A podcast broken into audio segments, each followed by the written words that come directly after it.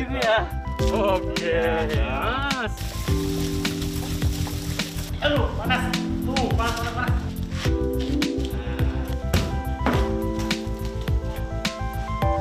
Iya.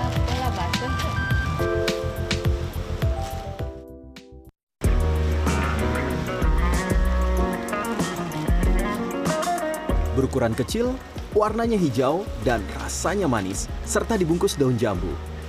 Inilah tape ketan, salah satu kudapan khas Kabupaten Kuningan, Jawa Barat. Satu lagi yang membuat tape ketan ini berbeda, pengemasannya di dalam ember.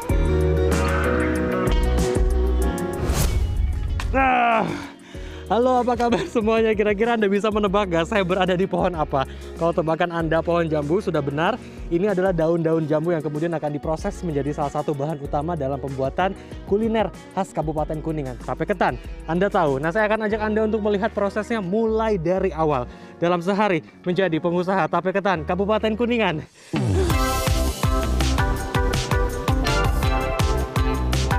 Desa Tarikolot merupakan sentra pembuatan tape ketan di Kabupaten Kuningan. Hampir seluruh warga di desa ini berprofesi sebagai perajin tape. Awalnya hanya disajikan ada di acara pernikahan atau momen lebaran. Namun tape ketan kini telah diproduksi massal. Beras ketan berkualitas menjadi bahan baku utama dan kunci lezatnya tape. Dan ini adalah beras ketan yang kemudian siap untuk diproses. Selanjutnya adalah proses pencucian. Pencucinya tidak satu kali atau bahkan dua kali, bahkan bisa dilakukan selama tiga kali ya Kang ya. ya. Tujuannya apa? Tentu saja untuk makin bersih. Selanjutnya, masuk ke tahap pencucian. Awalnya, ketan dicuci sebanyak tiga kali menggunakan alat molen ini. Setelah itu, ketan dicuci kembali di air mengalir selama 30 menit. Oke, Pak Haji, ini proses pembersihan tadi saya lihat banyak sekali prosesnya Pak. Iya. Kenapa sih Pak harus dilakukan begitu banyak prosesnya Pak? Biar apa ini Pak? Hmm, untuk proses pembersihan ini kita eh, harus benar-benar bersih Hmm. ya itu. Soalnya sangat berpengaruh sekali sama kualitas tape ketan. Hmm. Eh, kalau tidak bersih itu kelihatan nanti tapenya itu agak asam. Oh. Jadi manisnya kurang. Beras ketan yang sudah bersih siap masuk ke tahapan selanjutnya, pengukusan. Meski pegal karena harus menggosok ketan selama 30 menit, kalau sudah lihat hasilnya seperti ini sih, saya cukup puas. Aduh, aduh berat. Iya. Ya. Ini sudah bisa diproses ke tahap selanjutnya, tapi tidak diproses di sini. Kita akan menuju rumah produksi. Tidak jauh sih, kita dorong ya. Kita tarik maksudnya. Gini ya. Sini. Oh, ya? Biar enak. Salah Nah, ternyata. gitu. Gini ya. Oke. Iya. Ah, siap kalau gitu.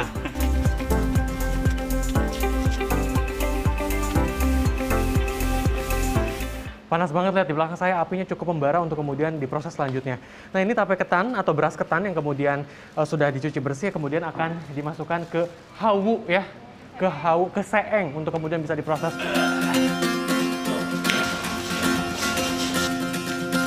Di sini, pengukusan masih dilakukan secara tradisional, alias menggunakan kayu bakar. Sedikit demi sedikit, beras ketan dimasukkan ke dalam asupan dan ditutup menggunakan plastik.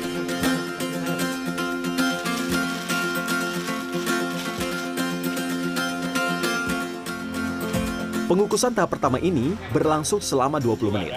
Jangan lupa, saat pengukusan, kita harus menjaga nyala api agar ketan bisa matang sempurna. Sembari menunggu ketan masak, saya akan menyiapkan pewarna tape. Pengusaha tape ketan di desa Ciberem masih setia menggunakan daun katuk sebagai pewarna alami. Kalau anda mungkin yang pernah makan tape kuningan, ada warna-warna hijau. Hijaunya dari mana ya? Dari sini. Ini dia pewarna alami yang kemudian digunakan untuk tape kuningan ini. Ini sudah selesai, jadi memang ini bumbunya sudah siap untuk nanti kita proses selanjutnya. Oke, saya makin semangat. Yuk, udah Bu ya? Sip. Beri air daun katuk yang sudah ditumbuk halus, lalu peras secara berkala. Air berwarna hijau inilah yang akan dipakai sebagai pewarna tape ketan. Usai urusan pewarnaan beres, saya diberi tugas untuk mencari daun jambu. Tidak perlu jauh-jauh ke pasar, daun jambu bisa didapat di pohon yang tumbuh di kebun belakang rumah. Manjat pohon ternyata bukan perkara mudah pemirsa, apalagi ini menjadi pengalaman pertama saya. Belum lagi pohon jambu yang saya panjat banyak semutnya. Aduh, Wuh, banyak semut. Tantangannya selain memang harus apa namanya harus hati-hati, kita juga harus hati-hati ketika berada di atas karena banyak semut rang-rang ya. Atau semut apa nih? Ya pokoknya semut lah. Yang ya yang itu yang ujung yang dipilih eh, yang udah agak tua. petik daun jambu yang sudah tua. Tujuannya agar daun bisa tahan saat proses pelayuan dengan cara dikukus.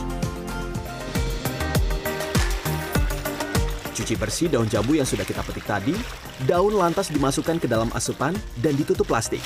Persis Ini? seperti proses pengukusan tape Begini? ketan. Uh, cara memasaknya sangat tradisional sekali kalau misalkan orang Sunda bilang ini namanya disepan. Berapa lama? 30 menit proses penyepanan ini untuk kemudian tujuannya agar mempertahankan warna agar tidak hitam ketika proses pembungkusan si tape ketan ini.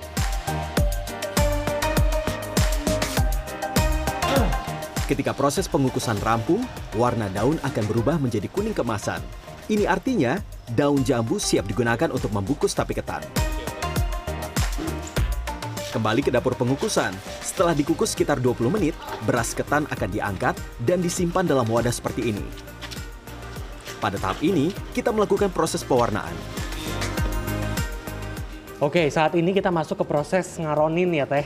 Jadi ngaronin ini adalah mencampurkan beras ketan yang kemudian sudah dikukus tadi dengan menggunakan pewarna yang sudah dibuat tadi. Jadi sudah terlihat nih warnanya. Tadi kalau sebelum di aronin berwarna putih, tapi sekarang sudah berwarna hijau. Nah, proses pewarnaan ini tidak bisa dilakukan sembarang orang karena memiliki takaran khusus. Jadi kita serahkan saja kepada yang sudah ahli ya. Saya cukup memantau saja. Setelah warna rata sempurna, ketan ini kembali akan dikukus selama 10 menit. Ya, selain beradu panas, tapi juga berat. Yang kemudian ini proses selanjutnya adalah masuk ke proses pendinginan. Harus hati-hati karena di bawahnya ada air panas yang bisa saja turun ke badan kita. Nah.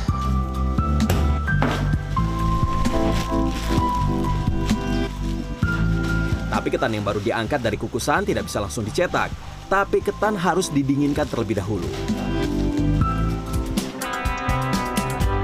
Setelah dipastikan dingin, ketan ditaburi ragi di kedua sisinya. Pemberian ragi ini bisa dibilang sebagai kunci dari keberhasilan rasa yang dihasilkan tape ketan. Selesai proses peragian, tape ketan dibungkus daun jambu yang sudah dikukus tadi. Tape yang sudah terbungkus daun jambu dimasukkan ke dalam ember. Satu ember berisi 100 buah tape ketan. Dan dalam sehari, karyawan di sini bisa menghasilkan 300 ember. Jadi pemirsa bisa menghitung berapa bungkus tape ketan yang dibuat. Kalau saya sih sudah pasti pegel. saya pun penasaran mencoba setelah melihat kelihayan karyawan di sini membungkus tape ketan. Terlihat gampang awalnya, tinggal pisahkan tape yang akan dibungkus, simpan di atas daun jambu, kemudian lipat.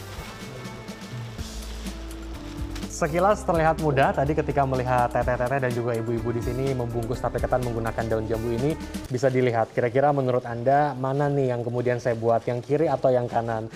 Kalau boleh jujur, ini buatan saya, ini buatan ekspor-ekspor di sini bisa dilihat beda banget kan. Jadi memang ada teknik khusus, tidak mudah dan kalau saya sih kalau tidak kekecilan ya kegedean. For your information pemirsa, dalam sehari ada perajin tape ketan bisa mengolah 4 kuintal tape ketan. Namun jumlah akan meningkat saat lebaran tiba, bahkan bisa mencapai 1 ton tape ketan.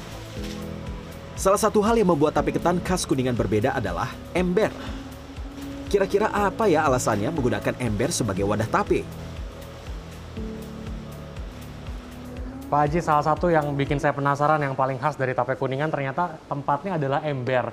Sebetulnya apa sih Pak alasan kemudian ember ini dijadikan sebagai tempat eh, untuk penyimpanan tape ketan ini Pak? Oh iya, Mas. Jadi di ember ini ya awal-awalnya itu buat keamanan aja. Ya. Soalnya kalau tape ini kan kalau udah matang itu berair. Iya. Jadi biar airnya enggak bocor, Oh. kita yang lebih aman itu ember. Tape ketan yang sudah dikemas dalam ember berbagai ukuran, mulai isi 50, 80, dan 100 buah, akan dikirimkan ke sejumlah agen penjualan. Kudapan ini pun kerap dijadikan sebagai buah tangan bagi wisatawan yang berkunjung ke Kuningan, Jawa Barat.